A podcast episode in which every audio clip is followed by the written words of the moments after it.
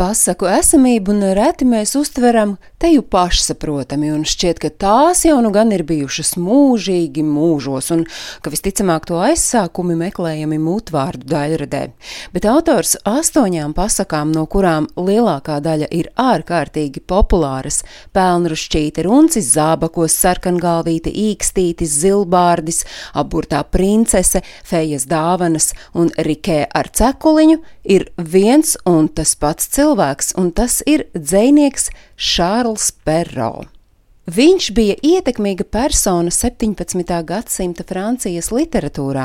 Tiesa, viņš, būdams arī Francijas akadēmiķis un zinātnisku rakstu autors, ir kautrējies bērnu pasakas izdot ar savu vārdu. Tālāk sākotnēji parakstījies sava 19 gadu vecā dēla vārdā. Nu, raugi tolaik vienkārši pasaku vēl uzskatīja par zemo žanru, un dēls it kā gribēdams kļūt par karaļa brāļa meitas sekretāru, piemēru to bija veltījis princesei.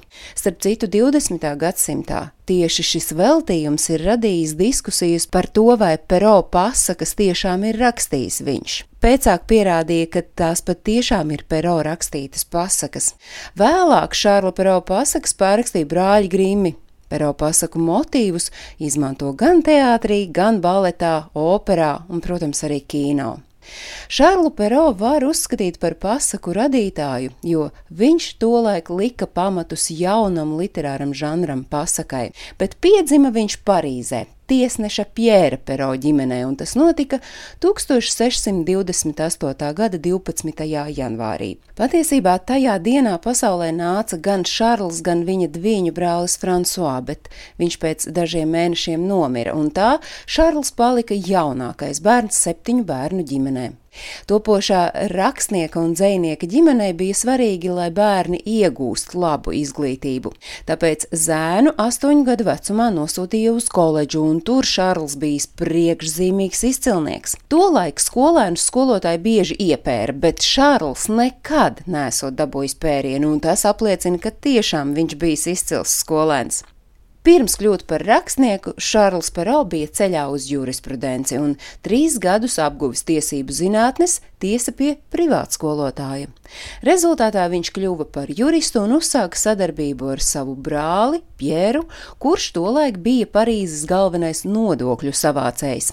Pateicoties piedarībai augstākajai Francijas ierēdniecībai, viņš varēja ietekmēt notikumus Francijas literāro aprindu vidū un kļuva par modernistu frakcijas līderi līderi kaujās starp konservatīvajiem un modernistiem. Vēlāk nodibinoties literatūras un beletristikas nodaļai Zinātņu akadēmijā, Šārlu iecēla par tās sekretāru, un viņš arī kalpoja Luija 14. finanšu ministra Kolbēra pakļautībā.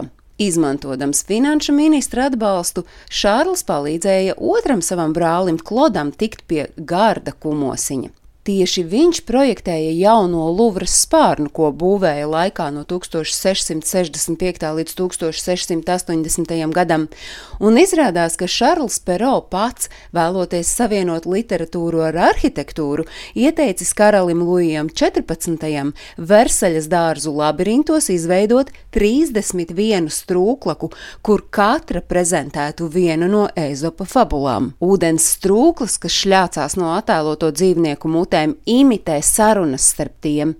Bet Šarls Perro tai laikā arī izstrādājis labirintu rokas grāmatu, ko izdeva karaļa tipogrāfija.